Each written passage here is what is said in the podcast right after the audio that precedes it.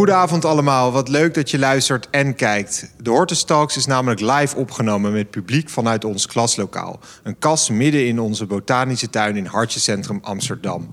Ik ben jullie host Gispert van Balen en ik ga hier in de Hortus Amsterdam ieder seizoen in gesprek met wetenschappers, kunstenaars en ondernemers die zich bezighouden met natuur.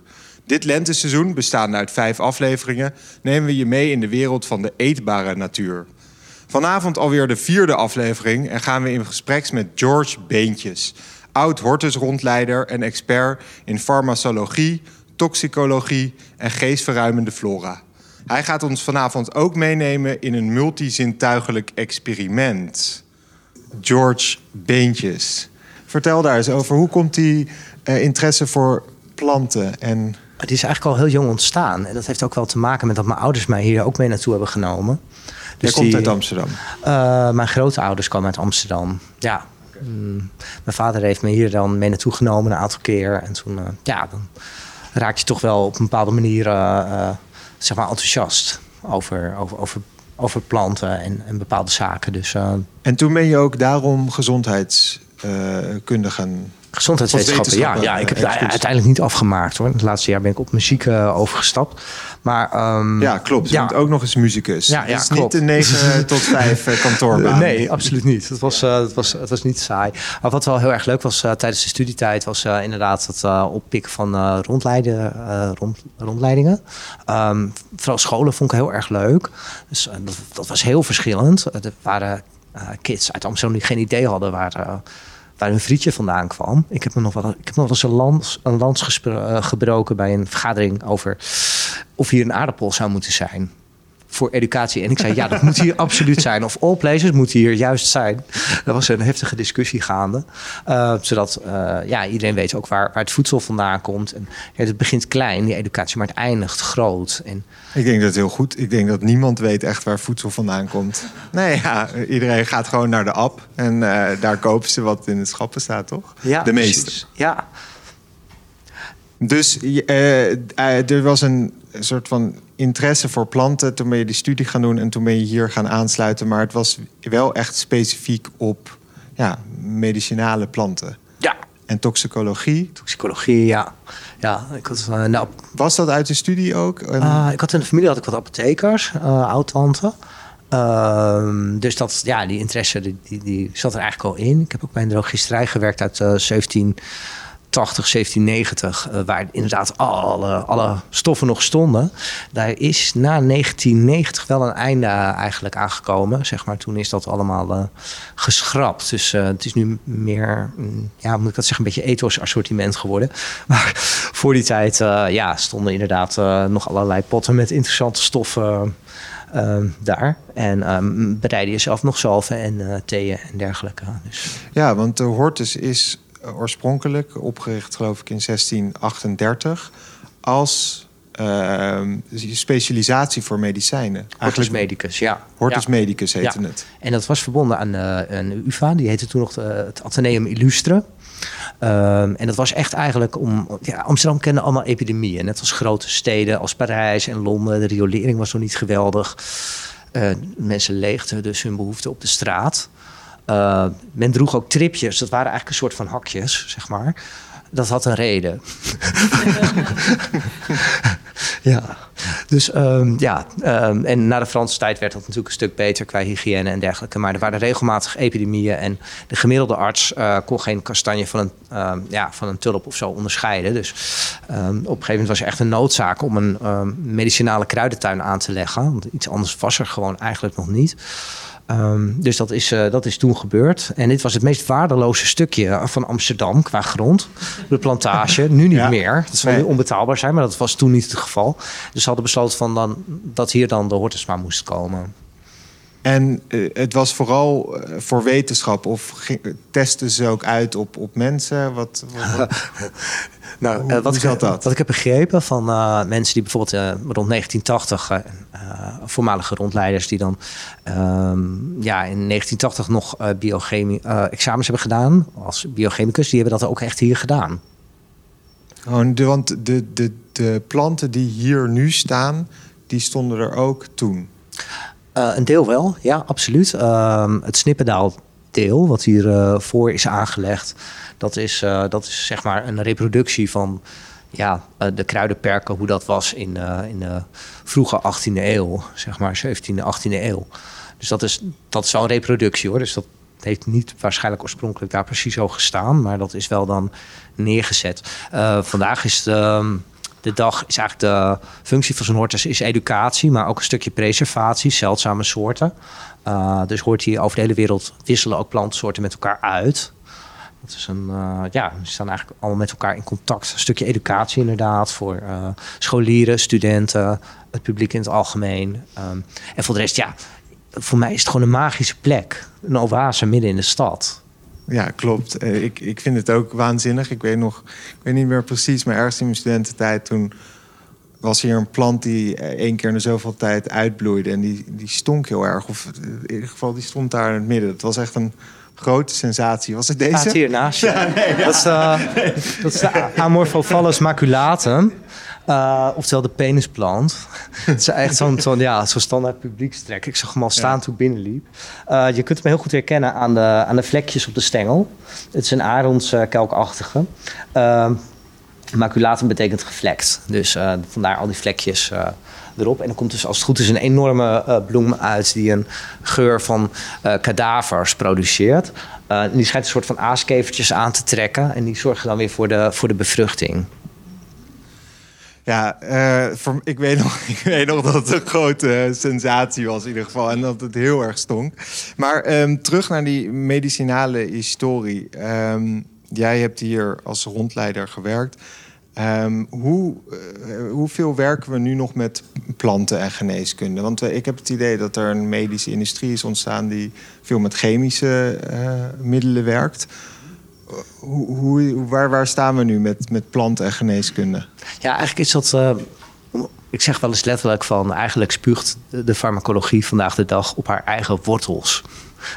Dus ik heb hier wat boeken meegenomen uit uh, 1800, 1700. Uh, daar staan niet alleen bijvoorbeeld eh, recepten in met uh, gal van een zwarte hond gemixt met hersenen van een adelaar. Wat heel normaal was. dat was geneeskunst, hè, waar we het over hebben. En zware metalen, zeg maar, die werden toegepast. Dit zijn van artsen of van... Ja, dit zijn, het zijn hele uiterst zeldzame boeken. die twee in ieder geval, die daar staan. Van de één is er, zijn er nog twee exemplaren überhaupt. van een Rotterdamse arts. En die andere komt iets vaker voor. Ehm, ja, wat eigenlijk ook wel een beetje zijspoor is, daar zal ik straks verder op ingaan. Maar een van de, de uh, tijdens de VOC nam natuurlijk een hele hoge vlucht. Het aantal exoten wat werd ingevoerd. En als we geschiedkundig even realistisch bekijken, is de hele Gouden Bocht natuurlijk gebouwd op, op opium en slavenhandel. Nederland was niet zo'n grote specerijen, maar wel in allerlei andere um, niet zulke frisse zaken, als we daar heel eerlijk naar kijken. Maar bedoel je ook ja, cocaïne? Of, ja, of is het ja. frisse zaken? Want uh, opium vooral. De, de slavernij was, zijn, uh, waren geen frisse zaken. Ja. Dat was vreselijk. Maar wij wisten toen, toen we kook... Uh, coke, cocaïne. even de straat, straatterm gebruikte ik even. Dat heb ik ook gehoord. En uh, dat brachten we over. Daar wisten we nog niet alle de kracht van. Of de, hoe slecht het was voor ja, dat kwam, dat kwam eigenlijk pas later. Ja. Uh, via het Bongeren Instituut. Uh, Ton Nabbe, die, die ook vlakbij woont. Die Um, hij schrijft ieder jaar een verslag uh, zeg maar, voor het uh, Trimbos Instituut over alle drugstrends. Die was ook betrokken bij, dat, bij de lezingenserie um, Creatief met Drugs. waar we dus alle sprekers uit de hele wereld hadden samengehaald. Zeg maar, tenminste toonaangevende auteurs op het gebied van etiogene en psychoactieve planten en middelen. Of geestverruimend, zo je wilt.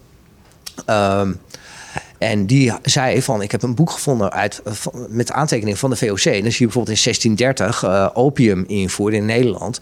Uh, eh, 680 miljoen gulden. Nou, dat was toen behoorlijk bedrag. Het jaar erop was het 830 miljoen. En dit gaat jaar na jaar na jaar gaat dit door. Dat, als je dat omrekent, die gouden bocht is niet voor niets gebouwd hier.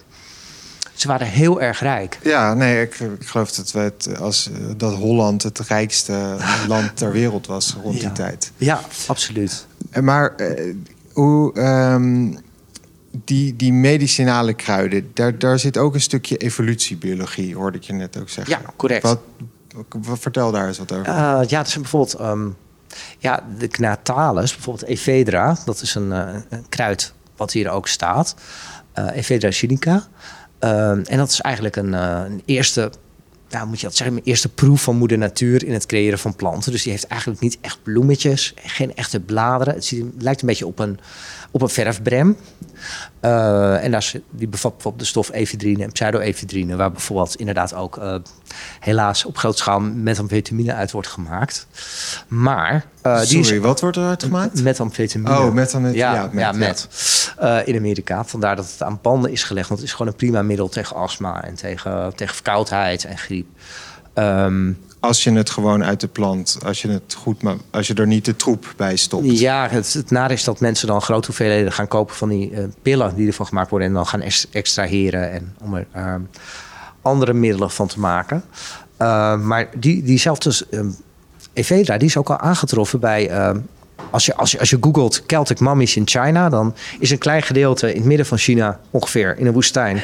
Daar hebben ze um, mummies aangetroffen die, er, die gewoon puur Europees zijn. Met rode baarden en tatoeages perfect bewaard gebleven. En vlechten en dergelijke. Perfect. Tot de oogwimpers aan toe. Maar er lagen grote bossen Ephedra naast. En dat waren dus mensen die leefden op de, op de toendra eigenlijk toen. En um, ja, als je naar Evedra kijkt, ja, het, het, geeft je een krachtig gevoel. Um, je kunt beter ademen, dus je hebt niet zo last van het stof. Je hebt niet zo'n honger. Dus het was een, uh, een, ja, voor hun was het een goddelijk iets wat je ook mee mocht geven na, uh, voor het leven na de dood. Dus het, het was wel een heilig kruid, misschien wel een soort levenskruid. Maar sorry, ik begrijp het niet helemaal. Wat, dus de planten lagen daarnaast, maar en ze waren zo goed uh, bewaard gebleven, die mummies. Komt dat door die plant of doordat zij dus blijkbaar zo gezond leefden daar? Uh, nou, dat niet per se. Het is een extreem droog stuk. Um, dus, um, en het is een aantal kilometers groot, dat gebied waar die mummies zijn gevonden. Als je iets erbuiten kijkt, dan zijn het alleen skeletten. Dus het heeft te maken met een microklimaat op dat gebied. Het is en heel droog en heel zout.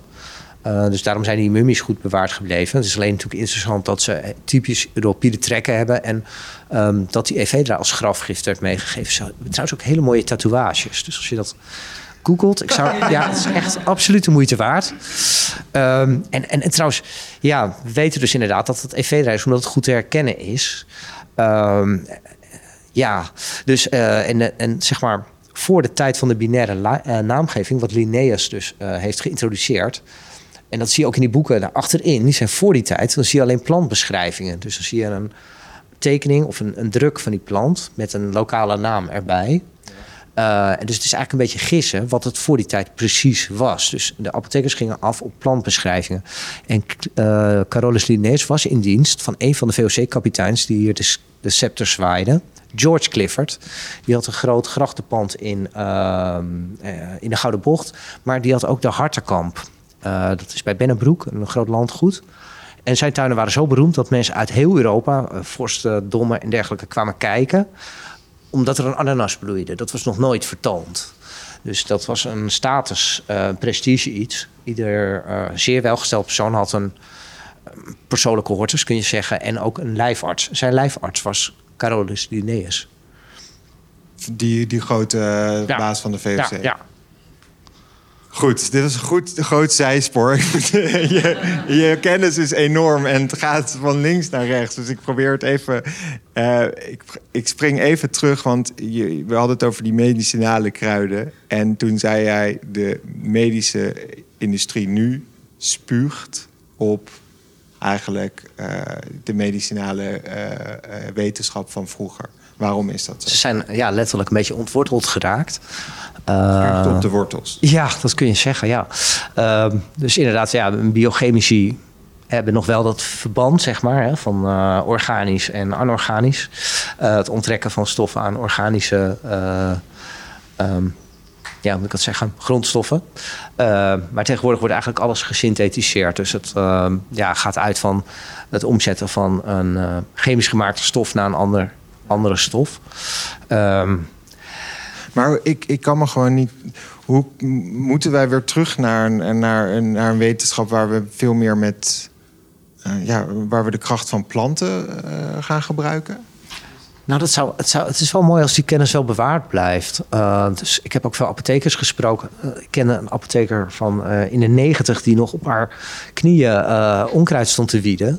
En die wist waanzinnig veel. Die heeft alles gemaakt, kwikzalven en zo, dat, dat soort dingen. En die, vond het reuze jammer dat het vandaag de dag allemaal verdwenen is.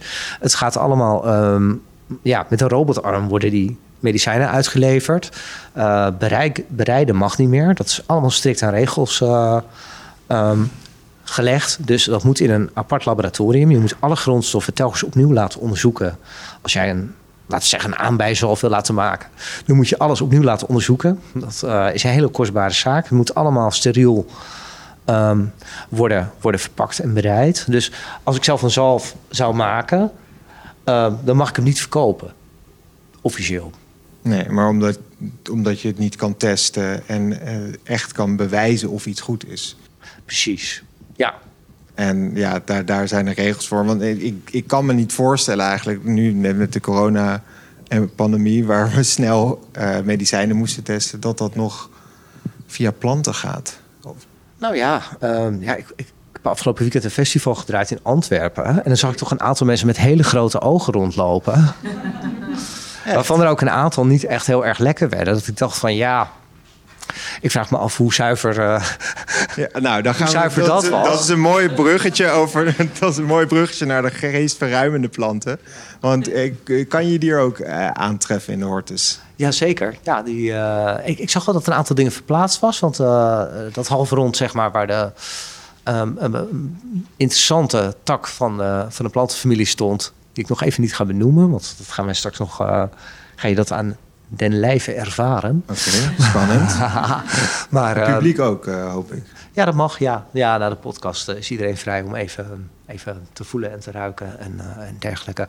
Ehm, maar in de kruiden, hier zijn zeker ook, ja, medisch, eigenlijk is alles medicinaal tot op zekere hoogte. Mensen vragen wel eens van, nou, is dat giftig? Kun je dat eten? Ja, één keer.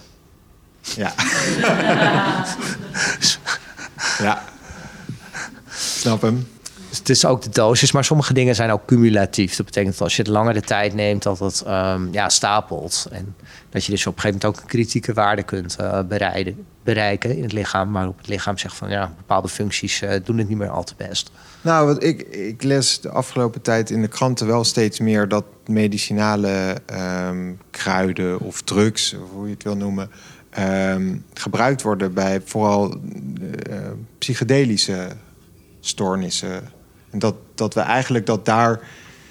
Op een gegeven moment is, daar, is het in Amerika, is daar, in de jaren zestig waren ze eigenlijk daar best ver mee. Hebben ze dat helemaal gekild, dat hele onderzoek. En uh, door de FBI, ik heb dat nog eens een keer in een, uh, in een film ergens gezien. En uh, toen hebben ze gezegd, nou dat is slecht, drugs are bad. Maar nu komen we er eigenlijk achter dat dat steeds. Ze zijn gewoon doorgegaan hoor. Ja, eigenlijk, eigenlijk, wat je ook ziet met, de, met, de, met de design drugs, is dat zeg maar die. Um, ja, er wordt er gewoon een nieuw molecuul aangezet, een koolstofatoom of een zuurstofatoom, en dat is de nieuwe stof. En dan moet de wetgeving weer erachteraan om te bewijzen dat het slecht is. En um, daarom zie je dus telkens nieuwe dingen opkomen, zoals uh, miauw miauw en badzout en zo. En dat wordt dan weer uh, CTB, C27. Ja. Miauw, miauw. dat zijn allemaal, allemaal, stoffen. Die zijn inmiddels ook alweer uh, verboden. Maar ja, als je die een klein beetje verandert, dan mag het weer wel. Uh, in principe is het dan nog niet illegaal. Dus de wetgeving zal altijd... Dat is een eeuwigdurende wedloop, zeg maar, tussen de wetgeving en... Uh, um... Maar geloof je ook dat, dat drugs in de bus bepaalde vormen, maten... juist de hoeveelheid, dat dat goed voor sommige ziektes kan zijn. Het is een medicijn. Of... Uh, in, in, in, in bepaalde culturen zijn uh, wat wij drugs noemen, zijn een medicijn. Dus je neemt het ook als je uh, op een bepaalde manier ziek bent. Je kunt ziek in de ziel zijn of in je hart, hè, zeg maar. Dus psychologisch in de war of op een of andere manier vastzitten. maar het kan ook gewoon praktisch iets lichamelijks zijn. als je, ik veel wat, je teen stoot of zo, heel hard dan wil je misschien wel een beetje wilgebast uh, erop kouwen. Dan, uh, dat is eigenlijk gewoon aspirine heb je dan. Dus uh, ja, dat kan. Ehm, maar in, in die cultuur is het echt vanuit een geneeskrachtig... Ehm, ja, het is een hele ceremonie. Dus als je het regenwoud ingaat om, laten we zeggen... uh, ayahuasca te nemen. Dat kan een zielsreis zijn. En een shamaan neemt ook een klein beetje, maar die neemt zo weinig dat het farmacologisch gezien niet effectief is. Maar hij gaat er wel in.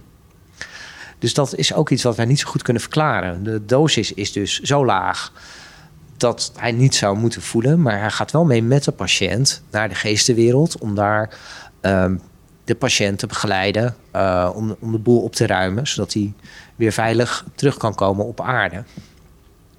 Heb jij dit zelf ervaren? Mag ik dat vragen? Uh, ayahuasca, nee, dat heb ik, uh, nee, nee niet, zeker niet daar. Uh, het wordt wel overal aangeboden, inderdaad, van Ibiza tot ja, ook wel hier ten lande op bepaalde plaatsen. Met, het is geloof ik heel populair. Ja, het is heel populair, maar ik vraag me ook een beetje af van wat is dan, of dat echt wel ook wel heel wenselijk is. Omdat mensen dat dan recreatief doen. En ik denk van ja, als je het vanuit een bepaalde intentie doet om echt iets schoon te maken of je wilt van iets af, dan is dat toch anders dan dat je zegt van ik wil een avondje een soort uit mijn bol gaan. Ja, precies. Recreatief. Uh, ja. Oké, nou ik vind... Misschien ben ik ouderwets hoor, daarin. Dat nee, goed. Ik, ik denk dat het heel, dat het juist heel, ik denk, ik vind het juist heel interessant dat, dat we juist daar meer mee gaan experimenteren. En ik, wellicht kan het ook wel heel erg helpen voor, uh, voor bepaalde patiënten.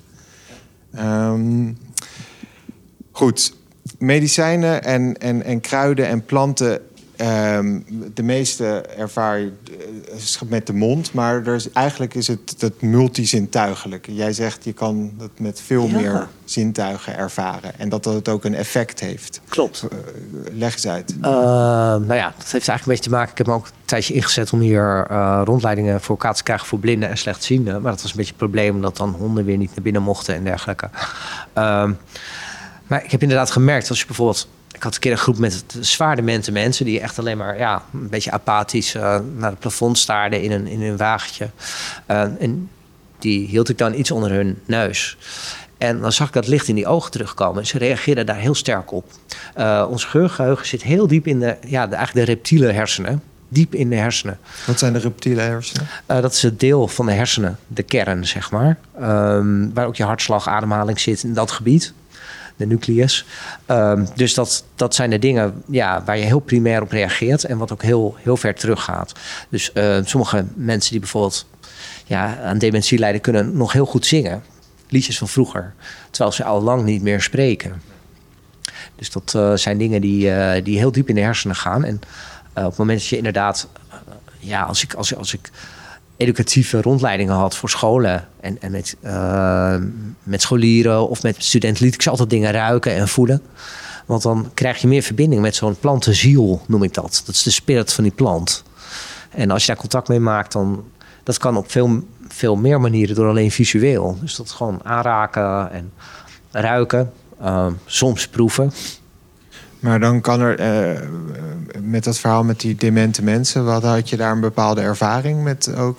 Zag je dat er weer geheugen terugkwam? Ja, of dat er, ja, ja die hadden, een kort, die, hadden, die hadden dus inderdaad gewoon een kort een, uh, een opleving. Dus kijk, die ogen die waren leeg. En ik zag gewoon licht inkomen. Dus die waren op, die waren bij.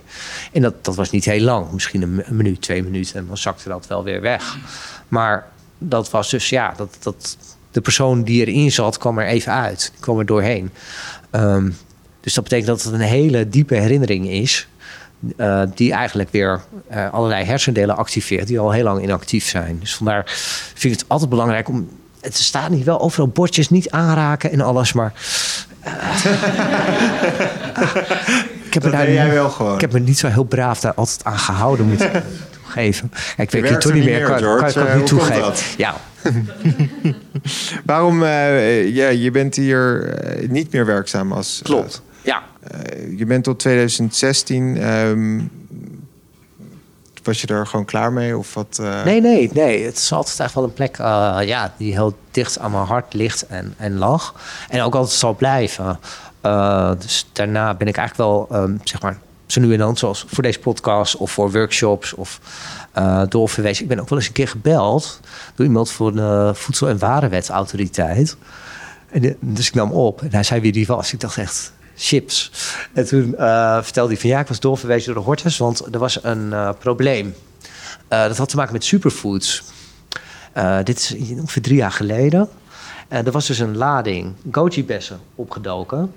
En mensen die daar een paar van aten, die kregen verlammingsverschijnselen. Dus ik pakte dat boek erbij, giftplanten, plantgiften. en ik zei, ja, hoeveel van die zaden hadden ze op? Nou ja, drie, vier, vijf. Um, voor minimaal, voor zo'n reactie moet je echt wel heel veel goji-zaad eten. Eigenlijk is het een boksdoorn van een nachtschadefamilie. Het is helemaal niet zo'n gezonde plant om te eten. Het verbaast me dat het superfood is, maar goed. Um, en uiteindelijk uh, zei ik van ja, of, of het zijn bestrijdingsmiddelen, want het is commercieel. Dus ja, in bepaalde landen gaan ze niet zo heel ethisch om. Maar toen zei ik van, ik denk denk dat het vergast is in de havens. Want het is een zuidvrucht en ze hebben gewoon niet goed gelucht. Dus ze zitten vol met bromide. Dus je moet het naar de Universiteit van Wageningen sturen en testen of op bromide of op organofosfaten. En dat is gebeurd. En uh, volgens mij was het inderdaad vergeven van de bromide, maar ze hebben het uiteindelijk niet teruggehaald. En dat vond ik zeer opmerkelijk. Ja. Maar als ik jou zo hoor, want uh, we zitten al bijna tegen het einde uh, van de podcast, dan denk ik, jij pleit gewoon voor betere educatie met planten. En dat wij vanaf jongs af gaan, of als, als oude mensen, dat wij meer met planten moeten gaan werken, doen, ervaren. Is van cruciaal belang. En we kunnen het juist leren inderdaad van de, van de ja, oudere mensen. Die inderdaad die kennis nog hebben. Nu zijn ze er gewoon nog. Dus dat, uh, ja, voor zover, ja, na de, de COVID-epidemie. Maar ja, het, is, het, is, het, is, het, is, het zijn levende uh, kennisbanken. En stel je voor dat inderdaad de economie zou instorten of zo. Ja, dan heb je geen toegang meer tot uh, farmaceutische middelen. Dan is het wel belangrijk dat die kennis er nog wel is. En we zijn dus eigenlijk een beetje afgesneden omdat alles geïndustri geïndustrialiseerd is. Oké, nou in ieder geval uh, hartelijk bedankt Graag gedaan. Uh, voor, voor dit gesprek. We gaan nu namelijk naar het multizintuigelijke uh, ervaren. Dat ga... Ik wens je sterkte. Ja, ik zie hier potjes met slangen. Ik, ik heb geen idee wat er gaat gebeuren, maar... we hopen de overlevenden nog een keer dicht doen. Moet, zeg ja, het maar, George. Ja, dat lijkt me wel. doe je oog maar dicht. Oké. Okay. Voor de luisteraars sluiten wij deze aflevering af. We gaan hier namelijk nog even door met het multizintuigelijke experiment en live vragen vanuit het publiek. Mocht je nu denken, daar wil ik ook een keer live bij zijn, koop dan een kaartje via onze website www.dehortus.nl. En je kan ons helpen door te abonneren op de podcast, een comment te plaatsen en het door te vertellen aan wie het horen wil. Ook kun je ons volgen op Instagram, @hortusamsterdam voor updates uit de tuin. Bedankt voor het luisteren allemaal en tot de volgende keer.